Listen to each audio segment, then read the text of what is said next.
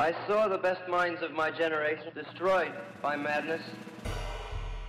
Det er den drømmen vi bærer på. Fra en annen virkelighet. Kulturuke. Eh, Ja, jeg heter Dag Solstad, og dere hører nå på Bokbaren, og der er altså jeg. Hei, hei, og velkommen til Bokbaren, der hvor høstens eh, ja, sola har begynt å gå ned, og høstmørket begynner å slå innover studioet. Og vi har beveget oss fra Olav Dunn til den nye Olav Dunn, som flere aviser har påpekt, nemlig vår egen Carl Frode Tiller. Myrkets første, som jeg har begynt å kalle han. Men uh, her i studio er jeg heldigvis ikke alene. Vi har uh, denne gangen hele Bokbaren med oss. Hallo, Grete. Hallo. Går det fint med deg? Det går veldig fint. Andrea, da? Har Ja. du uh, blitt eh, Har du hatt- Emosjonelt tatt av Av og til. Ja, absolutt. Det har jeg blitt. Det må jeg si at jeg også har blitt, men eh, ja, i dag tar vi for oss da altså et flust av hans eh, bibliografi, nemlig debuten hans fra 2001, 'Skråninga', og den nyeste boka hans, 'Begynnelser', som er nominert til Nordisk råds litteraturpris. Dem skal vi da ta for oss i lystig lag, men først så skal vi høre Jon Olav med 'Hvite bygninger' her på Radio Revolt. Jeg heter Hans Olav Brenner, og jeg syns at det er et slags eh, minstekrav til et oppegående ungt menneske å høre på Bokbarn. Radio Revolt. Hei, velkommen tilbake til Bokbarn, der vi tar for oss i dag Carl Frode Tiller, eller Mørkets fyrste, som jeg også kalte han på starten her. Um, Carl Frode Tiller er ved uten tvil en av Norges mest anerkjente forfattere, helt siden starten i 2000.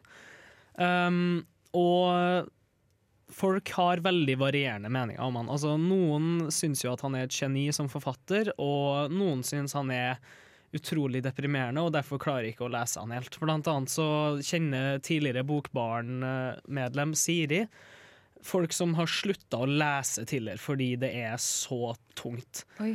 Så da retter jeg spørsmålet mot uh, dere om eh, hva, hva er deres egentlig slags førsteinntrykk, eller eh, inntrykk av Carl Frode Tiller, da, egentlig? Mi, altså, mitt, uh, mitt forhold til Carl Frode Tiller uh, er sånn cirka sånn som det her har det vært. Hvis du spør meg hva ditt forhold til Carl Frode Tiller så ville jeg sagt Altså, han er jo jævlig god, da. Jeg har ikke lest så mye av han, men eh, altså, Carl Frode Tiller, han er jo en Ikke sant? Jeg har bare hørt hva andre har sagt, fordi jeg syns det er så flaut at jeg ikke har lest noe av han. Så derfor skal jeg bare liksom herme etter det jeg hører at folk sier. Men nå har jeg jo lest den, så nå kan jeg si at uh, Carl Frode Tiller Herregud, jeg elsker han. Å herre, såpass, ja. Jeg gjør det. Dæven. Etter ei bok. Jesus. Du da, Grete? Har du noe å komme med? Ja, jeg leste jo Jeg leste jo sk Ikke skråninga, men eh, innsirkling. Ja, du gjorde Første det. boka innsirkling, men det er en del år siden. Eh, Mm. Så jeg ble betatt av han allerede da. Men det var jo også veldig utmattende å lese det. da. Eh, så jeg har jo alltid sett på han som det er tunge bøker. Ja. Men uh, utrolig god til å skrive, Men, besk det relasjoner. med- skildre Bare skyte litt på det tung. Eh, for jeg, eh, og nå har jeg jo da bare begynnelser å tenke på, men jeg opplever også som uh, utro... Altså veldig humoristisk. Mm. Eh, mørkt. Mørkt humoristisk. Altså, vet jeg, svart humor. Mm. Eh, jeg føler det er gjennomgående gjennom begynnelser, da. At det er At replikkvekslinga der er du Det er så mye undertekst, samtidig som det helt tragiske situasjoner hvor det blir sagt helt fullstendig feil ting å si da, og reaksjoner Altså, ja. Så det, er det er mørkt, men det løfter seg litt opp, syns jeg. da. Det er litt sånn Jeg tror ikke det har gått an at Det blir mørkere ved at det er morsomt òg, da, syns jeg.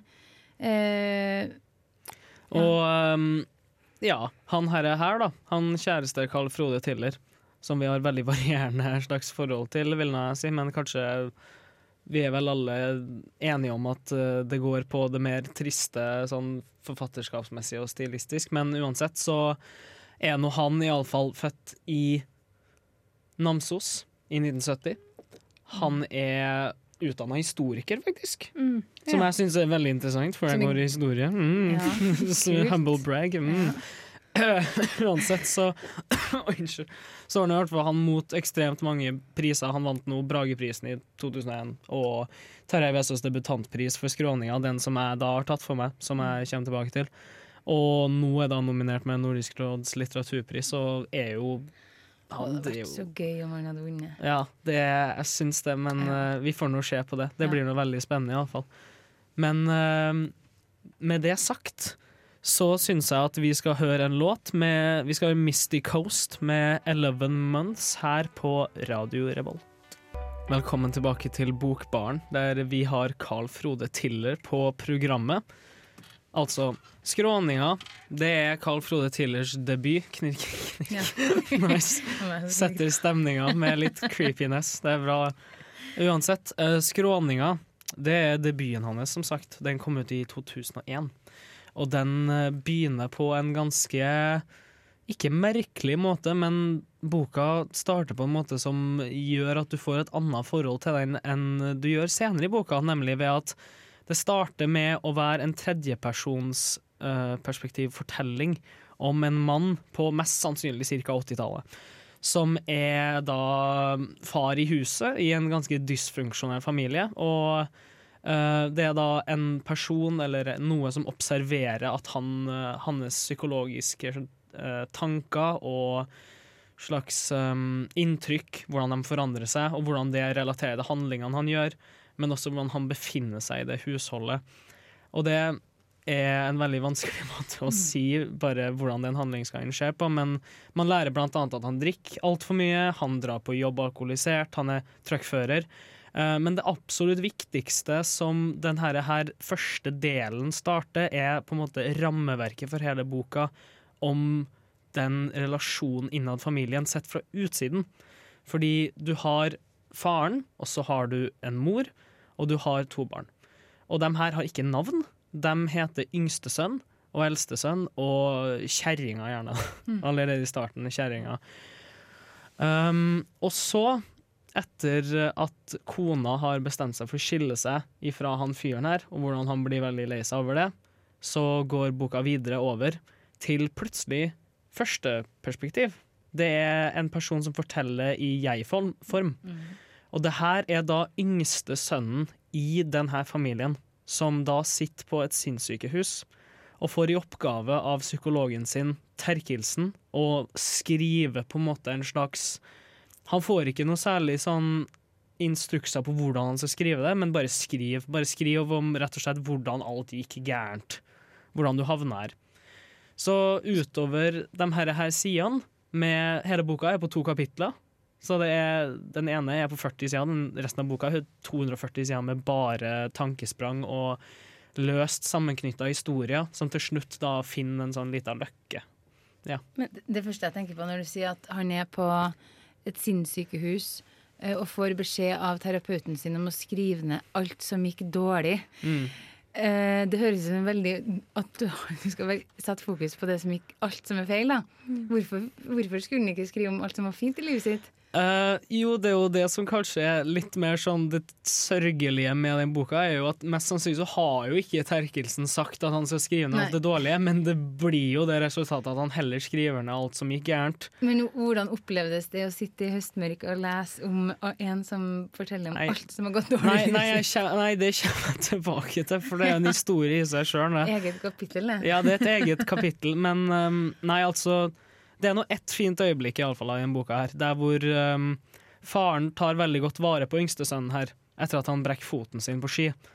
Um, og det er det, det er det som fra toppen av hodet mitt bare faller ut som et veldig fint øyeblikk. Uh, men resten av boka faller egentlig bare ned i en grøft av traurige stunder, og det er, det er mord, det er ja, voldtekt, det er barn som banker hverandre, det er mobbing, det er hele sulamitten. Og det er Historiene hopper bare fra ende til annen, egentlig uten særlig sammenheng. Så alt har bare den derre sånn um, du, ser på, liksom, du ser på den tingen fremfor deg og tenker å, det der, er, det der ligner på boka faren min hadde. Og så forteller du en lang historie om faren din, og så plutselig hopper du ifra den historien over til at noe annet fordi du tenker på en annen ting. Assosiasjonssprang. Ja, Liksom. sånn tankesprang, da, rett og slett. Og det syns jeg var egentlig en veldig interessant måte å gjøre det på. Også en veldig interessant måte å starte det narrativet for denne her boka, da. Um, Syns du det var vanskelig å henge med? jeg syns det ble veldig slitsomt å henge med, ja. Men um, jeg syns, jeg syns det her er- det der var Jeg syns det var en veldig bra sånn uh, introduksjon til videre debatt i Bokbæren. Fordi nå skal vi nemlig høre Jorska med Pils her på Bokbaren. Er to l-er i pils. Ja, hei, jeg heter eh, Rune Kristiansen, og jeg hører på Bokbarn. Nå ble du veldig glad når Rune Kristiansens stemme kom på, Andrea. Liker Rune Kristiansen veldig godt Ja, som det gjør- forfatter og som person. Det gjør, vi, det gjør vi også, men eh, nok om Rune Kristiansen. Hei og velkommen tilbake til Bokbaren, der vi fortsatt har om Carl Frode til og ikke Rune Kristiansen. Men eh, jeg har dessverre ikke tatt for meg begynnelser. Jeg har ikke kunnet gjort det, men det har jeg da satt dere til å gjøre. Så da lar jeg bare det gå over til dere. Så gi meg Jeg, jo, jeg, jeg vet jo ikke en drit om denne boka her, så nå må dere virkelig gi meg liksom en ordentlig ordentlig oppsummering på hva det her er for noe. Jeg og Andrea har da lest begynnelser. Eh, begynnelser starter eh, på sykehuset, hvor eh, Terje, hovedpersonen, jeg-personen, sitter på dødsleiet da, og venter på å dø. Og der har vi til stede, så er mora, og så er søstera hennes. Og så begynner boka å gå bakover i tid, da. Mens han holder på å dø, så går boka bakover i tid og undersøker. Hvor gikk det galt? Hvordan ble jeg som jeg var? Som jeg en, ja. Mm. Det er på en måte um, Hoved... Altså scenen på sykehuset er første kapittel, og så er kapitlene delt inn ganske ulik lengde, som heter eksempel tre dager før det, to måneder før det. Hva, hva er det som på en måte fokuseres i boka først og fremst? da? Det går jo bakover mot det å bli barn, da, antar jeg. Ja, altså det du, Det du vet i starten, er jo at eh, Tydelig i dialogen en dysfunksjonell familie eh, med søster og mor som krangler om hvordan man skal kutte de her blomstene til han her Terje, som vi hører tankene til. Som han forteller også at han ikke er i stand til å vise dem at 'jeg er jo våken'. Så han har en sånn Han er inni hodet sitt, men ikke har noen mulighet til å, å kommunisere med dem. Eh, og så er det på en måte da tre dager før der, så får du vite at han bor med mora. Og så går det noen måneder før der igjen, så skilles han fra kona. Og så går det på en måte bakover hvor man på en måte Man vet ikke hva man leter etter, eller hva det er man skal få vite, før man skjønner etter hvert på en måte de puslespillbitene som samler seg opp. Hvorfor Altså Jeg kan komme med et eksempel, da, for det er jo litt vanskelig å forklare boka sin form uten å avsløre alt den handler om. Ikke at det er noe farlig å avsløre, da, for det er jo lov her, på en måte. Men, Ja. men det er en scene ganske tidlig i boka hvor han er på et seminar, og så er det en kollega som spør «Eh, det er så rart at du ikke drikker, Terje. Jeg hadde skjønt det hvis du var liksom, eh, gammel alkoholiker, men jeg sy- syns det er så rart at ikke du drikker. Og så svarer han ikke på det. Og så skjønner du, jo mer du begynner å lese i boka, at han har da mor som sliter med alkohol, men at han også på et tidspunkt i livet drakk veldig mye før.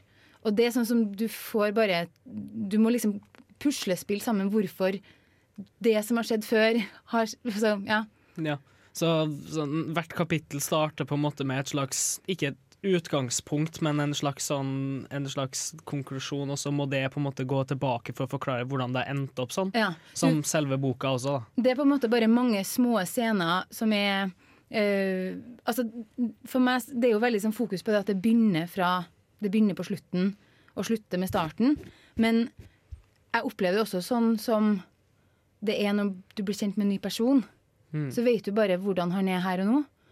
Og jo mer du blir kjent med noen, jo mer de åpner seg opp, så hører du om Ja, nei, foreldrene mine har skilt seg, og jeg var veldig interessert i det da jeg var liten. Så du, det er en sånn Jeg føler at man har blitt kjent med Terje på egentlig den måten som man eh, Skjønner du hva jeg mener? Eller Ja, sånn, altså, du går jo tilbake i tid, men Ja. så går du også til det innerste laget Ja. av det her mennesket. Da. ja.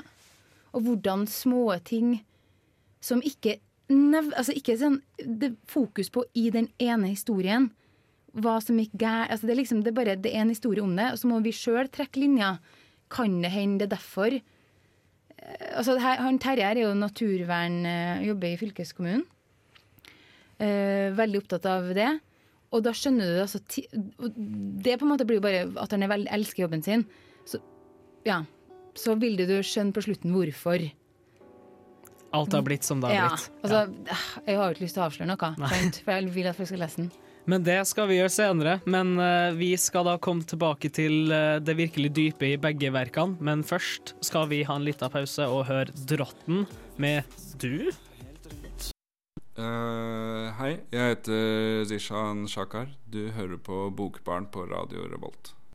Hei og velkommen til Bokbarn her på Radio Revolt. Vi tar for oss Carl Frode Tiller, og vi har nettopp gått gjennom litt sånn finfine introduksjoner til begge verkene her, begynnelser og skråninger. Og må ta en dyp pust der. Det første tingen som jeg tenkte når det kom til både skråninger og begynnelser, er hvordan de har et litt likt utgangspunkt med det at der hvor, der hvor skråninga ønsker å på en måte lage et slags fullstendig bilde av noens skjebne gjennom veldig sånn anekdotiske kvantesprang i historie og slikt, så går, dermed, så går derimot begynnelser bare bakover i tid. Mm. Og at de deler akkurat det, da, det at Tiller er, virker interessert i å på en måte danne det der, der fullstendige bildet på en litt mer sånn um, Enten en veldig eh, tilfeldig måte, eller på en litt mer sånn strukturert sånn der hoppe tilbake i tid-aktig måte. da. Ja, for had, jeg tenker sånn som med begynnelser Hadde boka vært like god hvis den hadde gått rent sånn korrekt dramaturgisk? Fordi da er det bare en, egentlig en historie om noen som har en ganske tragisk barndom, som ender livet sitt ganske tragisk. Mm. Og det er det. Ja. Han har noen lyspunkter inni der, men han greier ikke å ta det imot. Så historien blir litt sånn eh, Ja, formen på begynnelser gjør boka, Mm. syns jeg, da. Mm. Og den er vellykka i den grad at uh, historien får noe mer mening rundt seg enn enn uh, bare det som blir fortalt. da. Du driver også og jobber en egen del i hjernen din driver og jobber for å koble sammen noe. Mer Ja. enn å bare bli fortalt det sånn 'så skjedde det, så skjedde det'. Ja. Det er noe du stusser på i en historie som du får svar på senere. Min opplevelse. Som Ja, jeg så, digger. så du skjønner hvorfor det på en måte ble viktig for den personen å fortelle det? da. Mm. Ja, for det Ja, for i um, det, var, ja, det var akkurat det derre med det er, Utgangspunktet er forskjellig i skråninga og i begynnelser. Fordi i begynnelser så er jo utgangspunktet det at man bare vet at det er en dysfunksjonell familie der hvor denne her personen på sinnssykehuset som nå tydeligvis har begått mord, man vet ikke hva, hvem mordet er på. Altså Gjennom eh, en stor del av boka så lurer man jo på om det er faren han har drept. Fordi man vet at faren er død. Og han sier til og med eksplisitt 'jeg har drept faren min', og sånn på en måte mora mi òg. Men så viser det seg jo at det er jo ingen egentlig han har drept. Det er nesten mer sånn Ikke jeg skulle ikke si metaforisk, men det er feil måte å si det på.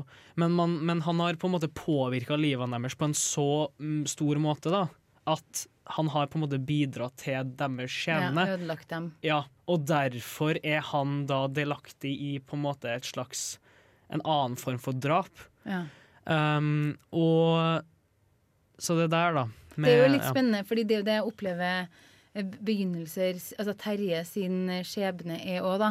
At eh, eh, Hvorfor skjedde det som skjedde med Terje? Eh, har det noe med mennesker rundt den som har på en måte påvirka han til å få de tankene han har hadde, Hvis han hadde fått hjelp på noen måte. Altså det, er veldig sånn, det er noe tema her som er litt lik, da. Mm. Med hvordan ting skjer. Hvem har skyld? Han eller folk rundt. Ja, og også, og også det varierende aspektet i um, Ja, hvem er det som nettopp har skyld? Fordi det fins den der, der upålitelige forfatteren som man kan Man tror man stoler på det fordi det er forfatteren, men man innser kanskje at å ja, men denne her, personen har jo, gjør jo sine tanker og danner sine um, inntrykk, og deretter på en måte handlinger ut ifra hvordan man oppfatter andre. Mm. Og i det tilfellet så blir jo et drap begått i skråninga når uh, yngstesønnen blir jævlig forbanna eh, på ei nabojente som var en skikkelig idiot måneden dagen før, men som er skikkelig trivelig mot den dagen etterpå. Mm. Og de begynner å krangle pga. noe så jævla banalt og trivielt som hvor en markjordbæreng er. Og så smekker han til henne, og så faller hun ned en åskam, og så dør hun. Og det er liksom ikke noe mer enn det, men man tenker seg til da om det kunne jo hele vært unngått Mm. bare gjennom nettopp det hvordan man oppfatter hverandre, Ja. og den medmenneskelige slags kommunikasjonen der, da. Mm. Og det syns jeg er veldig interessant, da, med skråninger og begynnelser, rett og Mm. slett. Og den karakteren i begynnelser har jo også en, eh, en lang del hvor du møter den i barndommen helt på slutten av boka. Og det som jeg syns er utrolig fint, og som jeg synes hun får til sånn, er å beholde den personligheten han har som voksen, men hvordan han som barn er mye mer åpen og tolker menneskene egentlig riktig. At han skjønner at folk sier det, sier ting til han og prøver å hjelpe han fordi de har lyst til å hjelpe han, for de syns synd på han.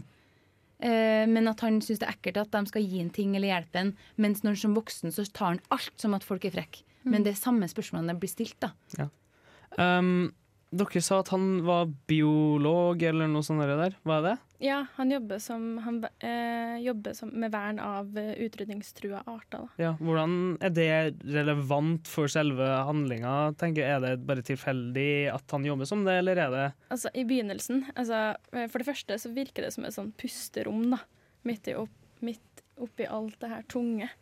Eh, men så blir man også drevet av det spørsmålet her eh, Hva fikk han egentlig til å begynne å jobbe med det her? Og hvordan, hvor er det her møtepunktet da, mellom det biosentriske og det eh, psykososiale, som man forsøker å skildre? Mm. Um, mm. Så Ja, for han er jo, altså det er jo han er veldig opptatt av, eh, av eh, utrydningstrua arter. Og begynner å se på seg sjøl som en art som holder på å bli utrydda. Mm. Og hvor fikk han den her Altså, ting som skjer i liksom, voksenlivet hans, ser du spirer av jo lenger du blar dem. Selvfølgelig, det gjør du jo nå òg. Altså, det gjør du jo i virkeligheten. Det er bare Ja, når det, det blir blir så litterært, det er jo- så blir du så opptatt av at det er helt sånn genialt. Ja, ja, ja, ja. Men, jeg, men jeg føler på en måte at det her møtepunktet da, mellom de her to planene foregår eh, sterkest eh, mot slutten av boka, altså når han er barn. Både fordi det å være Altså, det er selve begynnelsen, da.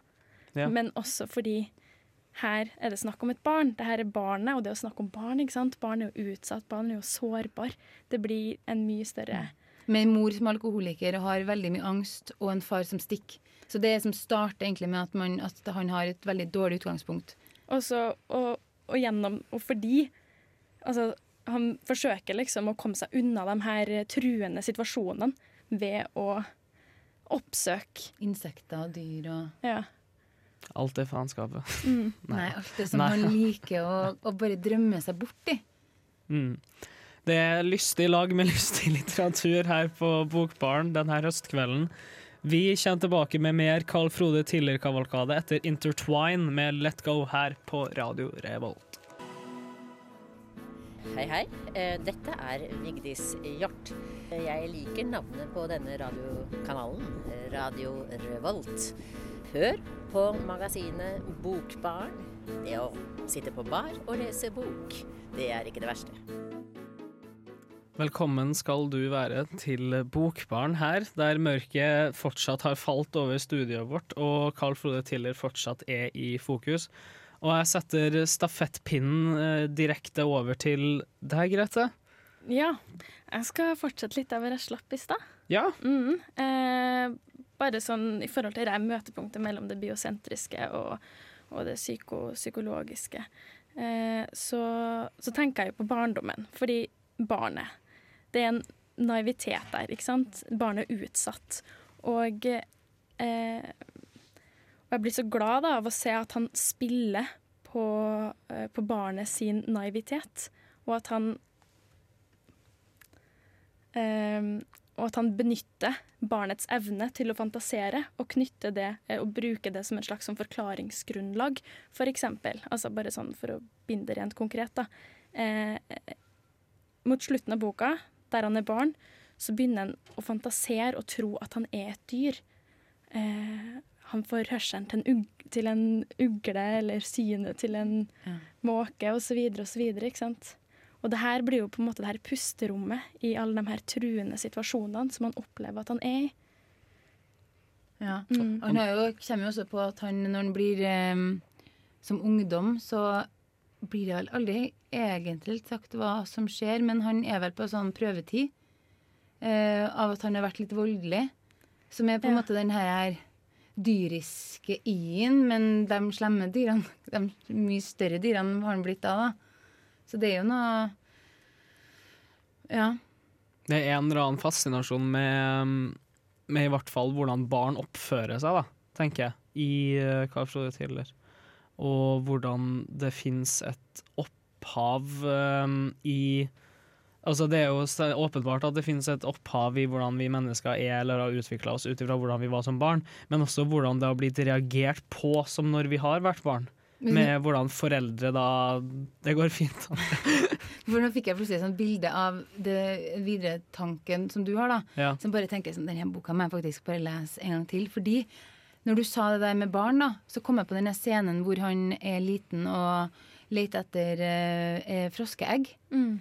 Og så sier han For det her tenkte jeg på når jeg leste den da. Er at um, det kommer noen kompiser og sier at de også har uh, fått i tak i froskeegg, men de ble ikke frosker. Så sier Terje ja, men da bruker dere det vannet som de froskeeggene ligger i? For der er det litt sånn gjørmete, og det, det vannet som, det skittenvannet der, det der han, det der det blir, der greier man på en måte vokse ut og bli frosker, og ikke i det rene vannet. Og da tenker jeg, fordi det som skjer med Terje, at han kommer jo seg ut av det her fæle barndommen, det fæle ung, ungdomslivet. Skjerper seg, flytter til Trondheim, tar utdannelse, får ei bra kone, får et barn, har en kjempebra jobb, lykkes kjempegodt. Er han da et rumpetroll i et veldig rent vann? Oi. Veldig interessant tanke, i alle fall. Dæven. Altså, skal vi lese den en gang til, Grete? Bare for å tenke, Det må jo være så mange sånne bilder som man, som man ikke kjemper Jeg tror, det, det kan ikke være Jeg tenker, Karl Frode, du har ikke, det er ikke tilfeldig. Det må være gjennomtenkt. Eh, altså Generelt da, så tenker jeg at eh, han tar jo for seg et helt liv, ikke sant? så det er jo så utrolig mye å, å ta tak i denne boka her.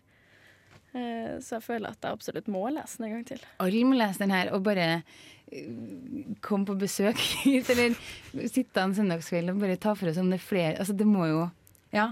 Jeg, jeg blir helt sånn at jeg Ja. For helt fnatt. Ja, og jeg har bare lyst til å lure på sånn, Karl Frode, hva leser du nå? Eh, hva gjør han nå? Hva, hva, hva kan jeg lese for å bli sånn som deg? Det er mye, da. Det er mye. Men jeg har litt lyst til å snakke om uh, karakteren Terje. Hvordan han er, og hvordan han oppfører seg i møte med andre mennesker, som jeg på en måte også føler er litt gjennomgående. Mm. Altså den her typiske, litt typiske Tiller-karakteren. da. Misforholdet mellom hva han vil si. Ja, ikke sant? Og misforholdet mellom hva han vil si, vil gjøre, og det, Ja. og det han faktisk Ja, det- får til å si og vil gjøre. ja, det er spennende. Mer om det tar vi etter Put Your Hands Up for Neo Toki med Get By her på Bokbaren på Radio Revolt. Velkommen tilbake til Bokbaren, der vi har tatt for oss Carl Frode Tiller i denne her lystige høstkavalkaden. Og jo da, Carl Frode Tiller har nå Han har definitivt sine gode sider, og definitivt så skildrer han menneskets elendige, dårlige sider. Og det her tar på. Det tok iallfall veldig på meg, syns jeg, så uh, det skammer meg ikke å si det at skråninga gikk såpass mye inn på meg at jeg fikk angst. Så når eh, Carl Frode Tiller faktisk klarer å skildre en sinnsstemning som er så uh, bare grøff, eh, i grøfta, rett og slett, elendig, at jeg får en slags indre bare kaos og ikke vet hvordan å uttrykke det. Da har han gjort noe riktig, selv om jeg ikke liker at han gjorde det mot meg. Så er det bra. Hvordan var det å gå tilbake og lese boka etter at du fikk eh, angstanfall? Nei, altså det Nei. Vi skal ikke snakke om det. Jeg kjøpte lydboka. jeg jeg prøvde å jeg prøvde å for-. Jeg prøvde å fordøye den på en annen måte, Ja. uh, og det gikk bedre. Mm. Det gikk mye bedre, men herregud, nei, det var for jævlig, faktisk. Så, men uh, ja, skråninga hadde jo en veldig sånn rar impact på meg, da, men jeg er jo ganske nysgjerrig på hva deres eh, leseopplevelse med Carl Frode tidligere, for den varierer jo så enormt mye fra person til person, har jeg fått veldig stort inntrykk av. Så begynnelser. Ja, jeg liker den jo kjempegodt. Jeg greier jo på en måte å skille bok og, og min egen personlighet, så jeg fikk jo ikke er sånn, Oi, er det faen Er det en sånn jævlig humble brag? Jeg tror rett og slett fordi at hun jeg leser om har faktiske Wow. angstanfall. Er sånn. Så da tenker jeg sånn Jøss, så mye koll jeg har på livet, egentlig. Til Ja. tross for at Nei da. Eh, jeg hey. Eh, ja, litt frekk må man være her um, på denne dunkle kvelden. Men eh, har vi, snakket, vi har jo snakka litt om at det er veldig humoristisk. Altså ikke sånn eh, prompehumor og humoristisk, men det, dialogene her er så eh, korthugd og konkret og rett på sak, og du hører måten liksom det blir snakka om, altså hva de snakker, hva underteksten er. Altså det, det liker jeg, vil jeg trekke fram som det som jeg liker Som jeg satte pris på med den der boka, da. Mm, meg? Ja. Nei, altså for min del så var det først og fremst egentlig dynamikken, da. Og det at jeg fikk muligheten til å se det her voksne Terje som barn, ble jeg veldig glad for. Uh. Jeg Veldig. vil anbefale folk å lese den boka. Med andre ord så er Carl Frode Tiller-opplevelsen akkurat som menneskelivet veldig, veldig mye opp og ned. Men ikke i tilfelle skråninga, den er helt for jævlig. Uansett, nå skal vi høre sangen 'Paria' her på Radio Revolt med 'Summer Blind'. Andrea har en innrømmelse å komme med. ja, ja, jeg kan godt si det. Jeg skal Det syns kanskje jeg var litt hard mot deg. Eh, av din syke når du leste Ja, skråninga. Get si- to it, ja, get to it. Okay, jeg grein som en foss Ja. eh, halve boka, begynnelser, siste slutten. Så jeg òg er jo emosjonelt eh, ustabil sånn sett, da, men har jo kontroll på at jeg ble- tatt av det. da. Ja ja, men det, det, går, det går så fint. Men en ting som jeg faktisk tenker på, da, som jeg har lyst til å bare si før jeg mister tida, er at når jeg leser så gode bøker som det der, og blir så opptatt av forfatteren, så vil jeg bare si raskt, når jeg har først muligheten til å være på lufta, hvis Carl Frode Tiller hører på nå, kan du sende en mail og bare skrive de fem siste bøkene du har lest, for det er jeg nysgjerrig på. Ja. Eller er det bare meg? Nei, jeg er også veldig nysgjerrig på det. Ja, også. Det var et Eh, fantastisk initiativ. Neste uke skal vi lese fucking Mummitrollet. Ha det bra fra Bokbaren. Takk til tekniker Hva heter du? Endre. Endre, ja. Takk, takk til Grete. Takk til Andrea. Takk til Carl Frode Tiller. Yes. Takk til deg, Karl Frode. Ikke gå inn i den frodige natt, eller hva faen det heter. Ha det Send bra. mail.